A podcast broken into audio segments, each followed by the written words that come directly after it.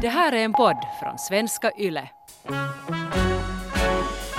Är det kanske en sån här macho-grej? Man kan sitta lite och njuta av att men hej, jag fick omkull din flickvän. Att hon kanske till och med tycker att jag är bättre än vad du är. Men då är det väl bättre att man raggar upp liksom sin värsta fiendes flickvän. Om en jättesnäll kompis där och sitter och säger att, ja, att min tjej har varit lite avståndstagande här på sistone. Man sitter där. Då är man ju bara en obehaglig person. Ja. Våren är kommen och vårsolen skiner och vårkänslorna de slår ut i blom. Och det är ju härligt. Men det händer ju ibland som så att man kanske får känslor för någon som man inser att man kanske inte borde ha känslor för. Hänger du med, Hanna? ja, absolut. Och det är ju det är ju så hemskt det där, för sen om du är lite förtjust i någon som du inte borde vara kär i så du kan ju inte riktigt ventilera det med någon heller. Men det är sant. För det här är ju inte någonting som lämpar sig för alla kaffebordsdiskussioner utan det kan ju hända att du känner att de här känslorna som du känner att, att de är så pass förbjudna att eh, du inte kan yppa dem för någon överhuvudtaget. Och då tror jag man känner sig ganska ensam med sin lite sådär syndiga förälskelse. Ja, förbjud, förbjuden frukt och förbjuden kärlek. Det är det vi ska prata om här i relationspodden idag. Och, eh, ja, vi har fått in spännande brev, ska vi ju säga. Och eh, jag vill nu vara tydlig med det här att det här är inte ett sånt program var vi, var vi nu dömer någon. Utan vi försöker ju vara uh, hurtigt uppbyggliga. Men jag blev nog kanske lite röd om kinderna när jag läste en del av de här breven. Ja, ja det, har nog, det, det, det har nog kommit allt möjligt här faktiskt. Och vi ska försöka hinna med så många historier som möjligt för att jag tror inte att varken du eller jag, Eva, känner oss det jättemanande att nu yppa alla våra hemliga förälskelser åt, åt hela folket. Eller inte vet jag. Har, har du några hemliga förälskelser du skulle vilja dela med dig av? Det är kanske lite, lite otrevligt gentemot min stackars man om jag nu börjar berätta precis. Men jag menar, jag tycker också att det det finns en viss skillnad här mellan att ha en förbjuden eh, attraktion och en förbjuden affär. Liksom, sådär. Men, och, och, och, det har jag inte haft, att jag skulle haft en förbjuden relation med någon under den tid som jag har varit gift. Men den här attraktionen tror jag ju nog faktiskt att det drabbar precis alla i något skede. Mm. Det behöver inte hända någonting, men det kan slå en en sån liten förbjuden tanke att oho, hmm, ja, Mm. Men det är väl just där som, som den där skillnaden är att eh, jag tror att de flesta av oss kan ha känsla för någon som vi tänker att vi inte borde ha känsla för. Men att om du agerar på det eller inte, det är ju det som är, är avgörande där då egentligen. Jag tycker också att man ska kanske inte klå upp sig själv allt för mycket om man någon gång känner lite förbjudna känslor. Jag tycker man snarare ska ta det som ett bevis på att maskineriet är igång och kroppen fungerar som den ska. Utan sen om man faktiskt börjar fundera på att skrida till verket och gå vidare på de här eh, attraherade känslorna, det är då varningsklockorna ska ringa. Men om det lite pirrar till i lite fel sammanhang ibland så tycker jag faktiskt inte att det är hela världen. Ett ganska vanligt scenario tror jag faktiskt är det här att vi ser att du har en, en pojkvän eller en flickvän och sen eh, har ni varit tillsammans ett tag och så märker du att hej men att så blir du presenterad för tjocka släkten och så märker du då att pojkvännens bror är ju minsann en riktig pudding. eller att, att du fast märker att, att hej att din eh, din eh, väninnas nya man, att han är minsann ganska het. Och sådana här grejer kan ju vara ganska svåra att hantera för det kan du inte som säga åt någon. Nej. Det, det, känns ju sådär ganska syndigt men ändå väldigt mänskligt. Ja. Så jo, eh, jag tror att vi kan gå in i det här ämnet nu med utgångspunkten att alla har varit där lite grann någon gång. Men vi skulle kunna ta ett eh, första brev här nu som jag tyckte var, var lite, lite rart och roligt formulerat. Det var signaturen AS 18 år som skrev. Min farmor som en gång i tiden var abiturient i Jakobstad, hon tyckte se något speciellt bakom sin matematiklärares krångliga ekvationer. Och resultatet blev min faster och min pappa. Tänk ja. att man kan se någonting romantiskt i mattelärarens krångliga ekvationer. Mm, men det här just upplägget lärare och elev, det kommer vi att återkomma till lite senare i den här podden. För att här har vi fått in väldigt varierande erfarenheter av ett sånt. Men här i Jakobstad gick det tydligen i alla fall riktigt bra och, och det blev familj och barn och hela faderullan. Mm. Men hur är det sen med arbetsplatsromanser? Det kan ju vara underbart men det kan också vara ganska sådär minerad mark. Mm, folk brukar ju säga det där att var träffar du nya människor och det är ju ofta där var människor samlas, det vill säga skolan, studieplatsen eller arbetsplatsen. Och här har vi signaturen Marie-Louise som har skrivit in om hennes hemliga förälskelse. Hon skriver så här. Det var det pinsamt klassiska, en romans på jobbet. Båda parterna var gifta på sitt håll och för mig så var det den fullständiga förälskelsen vid första ögonkastet. Det var som en känslotsunami, som heroin. Jag upplevde det att ha kommit i hamn, jag hade hittat en själsfrände, den enda rätta. Och jag var färdig att offra precis allting för att få fortsätta mitt liv tillsammans med den här fina människan.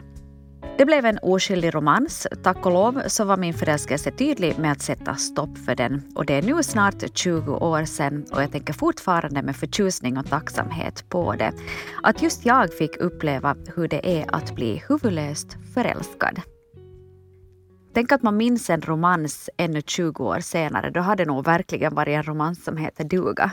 Ja, också på något sätt intressant det här med att eh, ja, jag, antar att hon fortsatte och han fortsatte att vara gifta på, på varsitt håll då. Eh, hade den här himlastormande romantiken när de var tillsammans en tid. Men sen ändå kan, hon ser ju inte tillbaka på det med någon förbittran eller någonting sånt. Utan hon är glad att det hände och att hon fick uppleva det. Och det är ju ganska, det är, jag menar det är ett ganska det är ju ganska optimalt det. Att man inte liksom går och skäms att usch ja, jag var nog riktigt förkastlig där 94. ja, och sen att om det nu var som hon skrev att det var en oskyldig romans på jobbet, att ingen skada skedde egentligen, så varför ska man nu gå omkring då sen och och vet du, klå upp sig själv för någonting sånt. Att om, om det, ingenting, det, det blev inte något desto mera och ingen blev sårad så, så då kanske man kan ha det här som en sån här härlig chokladask som man gömmer i klädskåpet och så tar man fram den emellanåt och, och suger lite på en bit. Att man kan ha det som en sån här liten guilty pleasure mm. någonstans. Och apropå klädskåpet, du sitter ju i ditt klädskåp som bäst idag när vi poddar. Det brukar vara tvärtom. ja. Det är jag som brukar sitta i skrubben och du brukar vara i studion. Men jag känner mig nästan lite så här, så här stroppig här när jag får vara här med, med riktig mikrofon och du sitter där bland pantalongerna. Ja, det är sant. Det har ju varit många veckor här då någon av oss, eller främst du har varit, det har varit karantäner och det har varit sjukdomsfall och så här. Och ja, nu är min, min son är lite, lite flunsig så jag sitter här nu i mitt väldigt råddiga klädskåp. Men det är bra, bästa stället att vara på för det ekar ju ingenting. Men, men glamouren är nog ganska, ganska långt bort. Fast egentligen nu när jag tittar runt mig så finns här nog en hel del mycket paljetter och, och glamour, så inte det så illa. Högklackade skor som det är väldigt mycket damm på just nu av någon anledning. Och de har inte fått vara ute och svassa på länge. Men här har vi fått ett brev av signaturen Taxichauffören 33. För tio år sedan hände det saker som var otroligt fel, men superspännande. Kompisens flickvän visade plötsligt känslor för mig och det hade jag ingenting emot. Hon var lite yngre och trevlig och sprallig och vacker. Jag var inte själv heller singel då. Allting började med längre ögonkontakt än normalt. Sen blev det meddelanden och närkontakt, små försiktiga smekningar på fester och andra tillfällen. Vi höll på några månader och träffades sen i smyg. Vi hade också sex några gånger. Jag blir ännu helt varm i pälsen när jag tänker på det. Någonting med att det var fel gjorde ju hela saken mer intressant för oss båda. Idag är jag gift och lycklig men jag drömmer nog nu och då tillbaka på tiden när man vågade leva mera. Skriver taxichauffören. Det här är nog liksom ett typiskt exempel på det här med, med den här förbjudna frukten som du var inne på Eva här i, i början.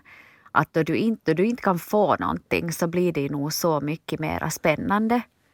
Att uh, det, det, är någonting i det där att man gör någonting som är förbjudet som gör det extra spännande. Och det är ganska svårt att stå emot det också för att det här är nog en sån här, ett sån här pirr och, som, som de flesta ändå finner ganska oemotståndligt. Mm. Men det är också ganska hemskt för jag tänker nu ändå, nu vet jag inte hur nära vänner de var de här alltså kompisen och han, taxichauffören. Men det finns ju nog hela tiden en sån här känsla av att, att man sviker så många, framförallt en kompis, när man gör på det här sättet. Det är någonting lite hemskt, för jag menar, jag som sagt dömer inte alls det här och kan till och med förstå att man kan känna en sån där pirr av att det här är så inte okej. Okay. Men nu är vi ju obehagligt funtade vi människor om vi får liksom lite går igång på att potentiellt såra våra medmänniskor och vänner. Men så mm. funkar mm. vi tydligen. Men jag tror inte att det här handlar om att han medvetet ville såra sin kompis utan den här kompisen var lite den som blev i kläm. Och, och jag håller helt med dig. Alltså, jag, jag, tror nog att man ska, man ska passa sig därför att trots att man har den där grymma passionen och man bara liksom vill vara med den där människan och man är så tänd på den att man inte vet vart man ska ta vägen. Så samtidigt att om du har haft en kompis länge att du måste, vara, du måste leva ditt liv på ett sånt sätt att du är beredd att stå för konsekvenserna av dina handlingar. Mm. Det är lätt att sitta där och säga att ja, men vi var så, vet du, det var nu bara ett misstag och det hände bara en gång. Men du måste kunna leva så att du kan titta dig själv i spegeln och att du kan titta din kompis i ögonen. Då tror jag liksom att man, man håller sig någorlunda på rätt linje. Jag menar, sånt här händer ju. Som sagt, vi ska ju inte sitta och kasta stenar i garderoberna här. Glasgarderober. Något desto mera. Men, men liksom att, att, jag vet inte. Och, om man ska nu ha en sån här förbjuden grej så kanske man inte behöver ha det med sin bästa kompis. För att jag har en, en väninna som blev bedragen på just det här sättet, både av sin pojkvän och av sin bästa vän. Och ja, det är någonting som man aldrig riktigt återhämtar sig ifrån. Nej, man blir liksom, det är ett sånt dubbelt svek. Vem ska man ens styra sig till? För de man stod närmast har ju, har ju liksom svikit en. Oj, mm. oj, nej precis. Och jag menar här, här lät de ju det gå ganska långt ändå. Att, jag menar, de hade till och med sex fast båda var upptagna. Eh, och ja, då måste man ju medvetet fatta det beslutet att, och inse vad allt som står på spel om vi faktiskt går så långt nu här. Men jag är... tror man har ganska mycket att lära också av en sån situation. För jag menar, jag, jag ska inte sitta här nu och leka någon moder Teresa heller. Jag har också varit i situationer där jag har måste ifrågasätta min egen moral och eh, mina egna moraliska principer. Och ibland så har jag insett att okej, okay, de här är ju inte helt liksom klockrena nu. Att jag handlar mot mina egna moraliska principer. Och jag tror att man kan lära sig också ganska mycket av en sån här situation. Att okej, okay, hur blev det så här? Vad var det som fick mig att gå över min mina egna principer? Och hur kan jag liksom bli, bli en bättre människa på något vis? För att mm. inte tror jag heller att man mår jättebra i längden. Att fast du nu har jättebra sex med din kompis flickvän så inte tror jag heller att det nu känns så där jättekiva sen nästa gång du går på bärs med den där kompisen. Eller är det kanske en sån här macho-grej? Vet du, att Usch. man kan sitta lite och njuta av att men hej, jag fick omkull din flickvän. Att hon kanske till och med tycker att jag är bättre än vad du är. Men då är det väl bättre att man raggar upp liksom sin värsta fiendes flickvän? No, ja, det, det, det kan man göra. Om en jättesnäll kompis där och sitter och säger att, ja, att min tjej har varit lite avståndstagande här på sistone. Man sitter där. Då är man ju bara en obehaglig person. Ja, det får man, då, då är man en obehaglig person. Men ett sånt här fall då. Signaturen J27 har skrivit att efter en längre tid av flörtande hade jag sex med min bästa väns bror. Det hände några gånger. Det var nog det förbjudna som var spännande och ingen annan vet någonting ännu idag. Ja, det där är ju sen... Ja, det beror ju liksom lite på kan ju hända att, att en kompis inte skulle ha någonting emot alls att eh, kompisen och brorsan skulle bli ihop till och med. Men det verkar ju lite, eftersom de nu höll det så här hemligt så kanske de på något sätt hade anat att det här inte skulle landa riktigt bra hos den där kompisen om hon fick veta vad som hade hänt. Men rent moraliskt tycker jag ju inte att det är något att anmärka på här om nu båda var med på noterna och myndiga och så vidare. Ja, inte ser jag nu heller egentligen något större problem i det där. Jag har någon gång nog i min, mina ungdomsår haft ihop det med någon av mina min storebrors kompisar. Ingen nämnd och ingen glömd. Men, men där kanske det kan vara just att, att det är bara lite underligt. Eller att det kan bli lite underligt på något vis. Ja. Men, äh, men inte ser jag heller liksom där att det där nu skulle vara någon, någon större kris på det sättet. Och tänk nu på någon mindre ort, om man inte skulle liksom få bli ihop med någon som ens bror känner. Så liksom, om man är sådär lite i samma... Där går liksom en stor del av de som är i samma ålder kan ju gå fet bort då. Och det är ju inte helt mm. optimalt. Så ja, no, jo. Men, men där också som hon konstaterade, det var det där lite förbjudna som var det som lockade. Men sen finns det ju också sådana lägen där man kanske blir då eh, kär i den förbjudna frukten men så visar det sig att den förbjudna frukten är just den frukt som du får dina vitaminer från på bästa sätt. Molly, 30, skriver så här. Jag blev kär i en upptagen man. Jag var själv sambo och jag försökte gå vidare och glömma den förbjudna frukten. Han förlovade sig på sitt håll och jag tänkte att nu så kan jag glömma och gå vidare. Jag försökte undvika alla möjliga ställen där denna man skulle kunna dyka upp, men det var omöjligt. Och idag, flera år senare, så har vi faktiskt hus och flera barn tillsammans.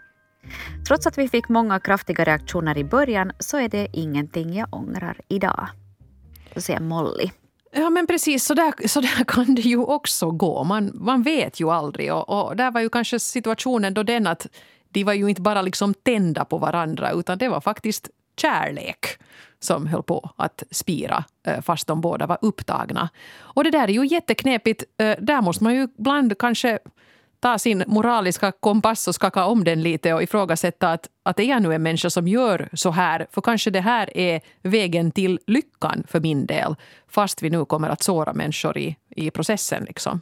Så är det ju. Och sen att, att jag menar, det som du har valt först så kanske inte det som du ska välja resten av livet. Och då måste man ibland vara modig och våga välja om också. Mm. Hördu Eva, du var ju inne lite på det här med eh, de här olika typiska rollerna Eh, där det finns liksom ett upplägg då för förbjuden kärlek. Och det här med elev och lärare så är det ju flera som har skrivit in om. Mm. Uh, jo, vi skulle kunna ta några stycken brev här och diskutera. Uh, här har vi först då signaturen Alltid den andra 36 som skriver att jag var elev, han var lärare. Åldersskillnaden var dock inte så stor och vi var båda myndiga. Det var nog inte bara attraktion utan någonting djupare, åtminstone från min sida. Omgivningens reaktion när det avslöjades kan jag ju ännu idag tycka att var lätt överdriven. Andra elevers föräldrar ringde ner skolans rektorn, det blev samtal och utredningar och till och med en notis i en av de största finlandssvenska dagstidningarna. Hysterin kring vårt förhållande var så överdimensionerad. I grund och botten var det två människor som fattat tycke för varandra och man borde ha sett det för vad det var och inte målat upp dramat och dömt utan förmildrande. Vi har inte kontakt idag och det kanske är bäst så. Vi var så otroligt lika och också beträffande de dåliga sidorna. Så vi kunde lika lätt som vi älskade till skyarna förgöra varandra. Däremot ångrar jag ingenting och jag bär med mig minnena med värme resten av livet. Så en sådan lärarromans hade vi där. Sen har vi ju en helt annan situation. Kan du läsa det brevet, Hanna? Jag var 15 år och hen var 20 och vikarierade som lärare i min skola, också för min klass. Vi inledde ett förhållande i smyg, vilket vi senare berättade för våra föräldrar. Förhållandet var svårt för mig och jag kom aldrig bort från den auktoritära faktorn att hen var min lärare. Senare så har jag förstått att jag innerligt önskar att de vuxna runt oss hade satt stopp för förhållande. Jag mådde inte alls bra av det. Jag insjuknade i bulimi, vilket jag behöll hemligt för att jag skämdes över det. Och jag kunde aldrig själv avsluta förhållande, men ingen verkar se hur illa jag mådde. Jag var synnerligen barnslig och hade en oklar självbild vid den tidpunkten. Sex var också en främmande tanke, men jag kunde inte värja mig och jag upplevde att första gången blev jag tagen med våld. Mitt nej hade ingen betydelse. Jag var helt förkrossad och mina föräldrar trodde vi hade grälat, sa de senare. Men inte ens då kunde jag berätta hur det har varit. Och det här har präglat hela mitt liv.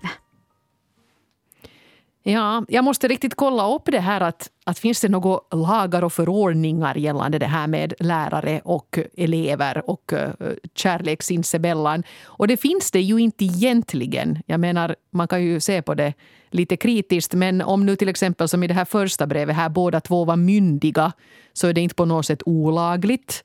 Och där hänger det ju kanske mer på det där att står den där eleven i beroendesituation till den där läraren på något sätt. Ska den där läraren till exempel ge eleven betyg? Men skulle det nu vara en, en lärare som bara är två år äldre som råkar vara lärare i samma skola men inte ens egen lärare. Så vad är det nu sen mer med det? Och jag håller med om att kanske den här reaktionen blev lite överdriven då i, i det fallet eftersom åtminstone den brevskrivaren verkar ju ha tyckt att det var var helt okej okay och var mogen för det här och framförallt var, var över 18. Så vad är det nu sen mer med det? Men det här andra brevet däremot, där gick det ju nog riktigt fel. Mm. Och där är det också kanske att bara den här åldern är, är stor. Eh, om man tänker att den här första var Första brevskrivaren var ändå myndig och den andra var bara 15. Att Precis. du är 15 så är du ju nog väldigt liten. Och att där så eh, önskar då den här brevskrivaren att någon vuxen skulle ha satt stopp för det här. För att eh, som 15-åring så kan det vara jättesvårt att eh, på något vis eh, navigera en sån här situation. Det kan vara svårt att navigera till och med fast man är vuxen. Och, och jag tycker att det här är också ett, ett, ett ganska, en ganska bra liksom alarmklocka för alla oss vuxna som har kanske tonårsbarn eller har tonåringar i vår närhet. Att liksom verkligen följa med vad som egentligen händer där och våga ställa de där frågorna. Och som hon sa, hon vågar inte berätta åt sina föräldrar fast de ändå var intresserade. Och att man liksom verkligen på något vis försöka hålla lite koll på det så att inte någon ska behöva fara illa. För så här ska det absolut inte vara att en 20-åring en 20-årig lärare inleder ett sånt här förhållande med en 15-årig elev som egentligen inte vet någonting om vad det handlar om. Så att det, där tycker jag nog den där läraren så, så ha, agerar ju helt klart fel. Det är ju inte frågan om något annat. Alltså, det, du som har skrivit det här till oss, jag hoppas faktiskt att du lyssnar. För jag vill bara säga till dig att Alltså du blev, du blev sviken av så många människor. Och det där var så inte okej. Okay. Och jag hoppas faktiskt att du skulle få hjälp med det här eftersom du skriver att det ännu präglar ditt liv. Du gjorde ju ingenting fel. Du var en barnslig 15-åring som tyckte att vikarien var lite söt. Och han utnyttjade dig. Han hade till och med sex med dig fast du sa nej. Det är ju alltså det är våldtäkt, det är brottsligt. Det är liksom mm. inte ens det här med att han var din lärare som blir problemet där utan en person har haft sex med dig fast du inte ville. Spelar ingen roll vem han är, du blev våldtagen. Eh, jag vet inte om du vill anmäla det eller hur du vill gå vidare med det här men i alla fall, jag tycker inte att du måste genast sluta skämmas för det här själv. Och jag tycker också det är hemskt det här. För jag har lite svårt att förstå hur det här var för det står att vilket vi senare berättade för våra föräldrar. Var det kanske då ännu när relationen pågick. Alltså att föräldrarna visste om det här att de har nu någonting ihop de där två. Men ändå inte ingrep och så att hur mår du? Eh, hur, hur är det fatt? Du ser ut att må dåligt. Berätta nu vad det är. Uh, vuxenvärlden svek dig i den här situationen. Och ja, jag vet inte, jag, jag kan inte ge dig något goda råd annat än att släpp det inte utan se det för vad det var. Du blev utnyttjad, du gjorde inget fel. Och om det här ännu liksom påverkar ditt liv så finns det ju hjälp att få. Absolut, absolut. Och, och, och, samtidigt också, jag menar, jag håller helt med allt vad du just sa Eva angående det här och, och, hur allvarligt det faktiskt är. Men, men sen, det gäller ju inte heller alla och det betyder inte att alla eh, liksom, personer som har det ihop med någon som är yngre, att de skulle vara illasinnade. För det var också en annan som hade skrivit in här att hon hade en pojkvän som var Eh, över tio år äldre än henne då hon var 15 och hon sa att, att han lärde mig allt om kärlek och är fortfarande liksom hennes livs största kärlek. Så det kan ju gå så också förstås men att man vet ju inte och därför tror jag just att för oss föräldrar så är det liksom superviktigt att orka vara intresserade och orka våga ställa de där frågorna som inte de vill svara på för att ingen ska behöva liksom fara illa. Mm. Nej, precis. Men det är klart, vi brukar ju alltid dra den där gränsen här i podden och, och det gör man väl juridiskt också. Att så länge båda är myndiga och med på det så, så är väl det mesta okej. Okay här i, mm. i livet. Men när man nu är 15, man är så olika när man är 15 också. En del kanske är väldigt brådmogna men jag menar jag åtminstone var ju ett barn när jag var 15. Jag skulle nu absolut inte ha varit redo att inleda en, en, seriös, eh, sån här, en seriös relation med någon, inte ens en jämnårig. Eh, och att den här läraren då inte såg det här utan faktiskt utnyttjade sin elev. Så det är ju förstås inte, det är inte ens riktigt fråga om förbjuden kärlek utan det är fråga om ett brott. Och det kanske vi borde göra ett, ett eget avsnitt om. Nu blir jag, mm. jag blir så upprörd nu. Men faktiskt, det är bra, det ska ja. du vara. Vi behöver stå upp för alla 15-åringar där ute.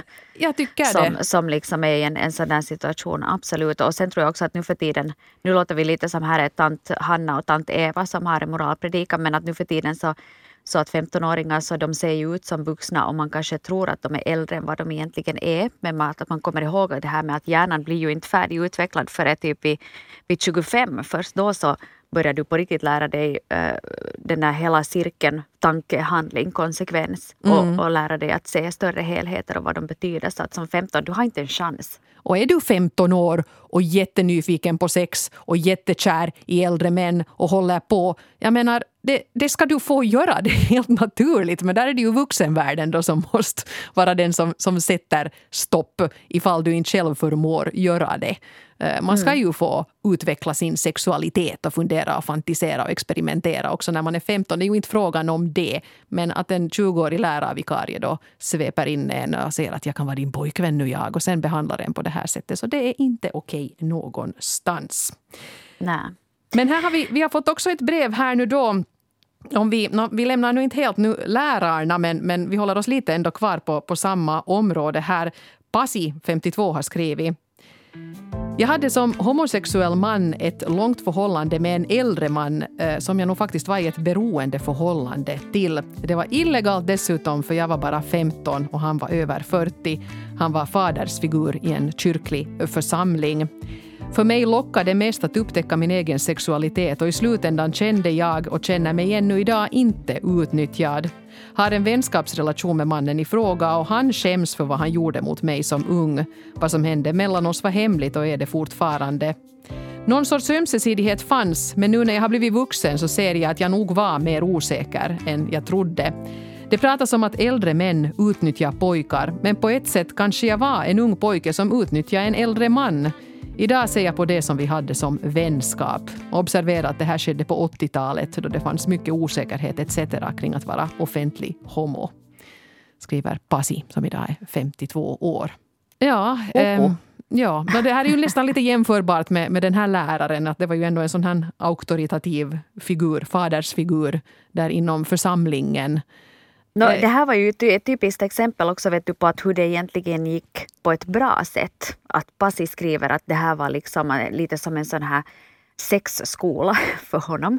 Och kanske att den här läraren då, eh, eller den här andra personen som han, den här mannen då hade, som han hade en relation med, att eh, han lite kunde hjälpa honom i en tid då det inte kanske fanns så mycket info att få och inte heller någonting man diskuterar. Att vara gay på 80-talet så var ju inte riktigt lätt i Finland. Det var till och med mm. olagligt ganska långt fram. Väldigt sent. Mm. Och äh, där tänker jag liksom att för, för Pasi så gick det ju bra och, och jag tycker också att det är bra att den här den här äldre personen, den här mannen då, äldre mannen då också, att han har förstått att ha dåligt samvete. För det är ju inte okej att ha som 40-åring att ha sex med en 15-årig pojke.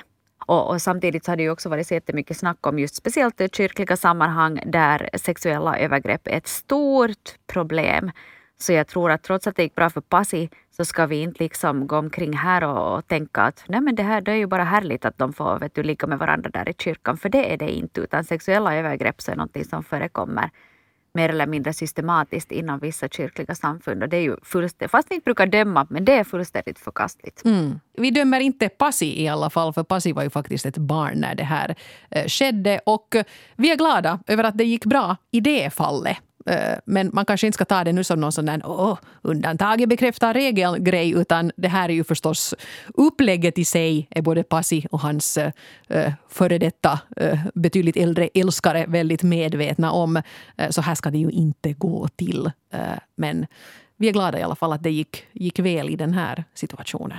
Eh, här har vi ett brev som kanske känns... Eh, ja, det här känns ju väldigt, väldigt mänskligt tycker jag. Det som signaturen Lyckligt gift under 30 har skrivit till oss. Sann kärlek under krångliga omständigheter. Ja, det beskriver det faktiskt ganska bra. I mitt fall så dök kärleken upp som från ingenstans och golvade mig totalt. Och det krångliga var att jag är gift. Jag har alltid sett mig själv som en som hedrar löften, inte minst äktenskapslöften. Men jag var tvungen att inse att livet är mer mångfacetterat än så. För det var kärlek. Äkta, himlastormande kärlek. Men mitt äktenskap vann och jag är idag fortfarande lyckligt gift. Jag fick inse att själsfränder finns, att äkta filmkärlek verkligen existerar och att livet är svintungt ibland när det inte går som man vill. Men ett äktenskap är ändå byggt på mer än himlastormande kärlek och jag älskar min man och vår familj och jag skulle aldrig byta ut det. Men än idag så är dock den förbjudna kärleken mitt livs stora kärlek. Ja, oj, det, låter, det, det, är ju, det är ju som en film det här. Jag tror det, det, är en film. Det är Bridges of Madison County. Vi har, vi har sett den här faktiskt. Meryl Streep och Clint Eastwood. men ja. Eh, oj, hjälp. Det, ja, vi, vi, men, men vilket klarsynt brev. Alltså att se det här att ja, den stora kärleken. Man blev så kär så att liksom strumporna korvar sig i den här andra.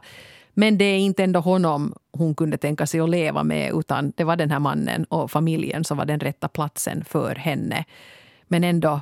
Eh, men ska man nu sträva efter det nu då? Att en stora kärlek är den som man lever med? Eller ska man bara godta det här som, som hon gör? Att, att jag lever med en man som jag älskar men han är inte min stora kärlek. Det beror ju helt enkelt på hur man prioriterar. Jag, jag tror att jag som är en sån här romantiker så skulle nog ha väldigt svårt att leva tillsammans med någon som inte är min stora kärlek.